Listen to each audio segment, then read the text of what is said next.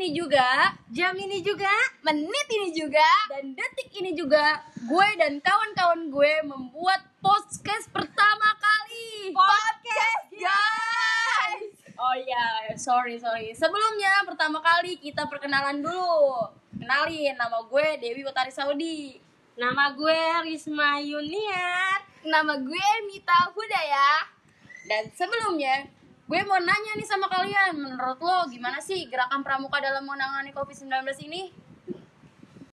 Menurut gua nih ya, Pramuka berperan aktif banget Pramuka pun peduli akan covid yang sudah menyebar sehingga Pramuka membagikan masker, APD, sembako, hand sanitizer, madu, serta vitamin agar tubuh menjadi kuat dan stabil akan mengatur pola makan.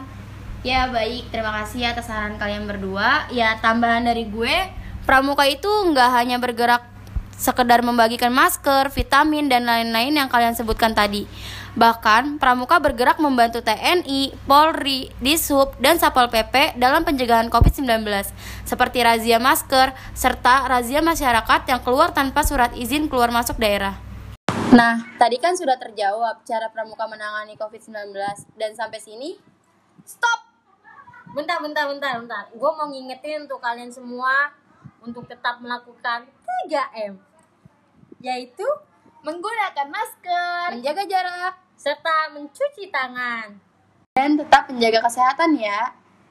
Stay safe. Bye, bye, bye.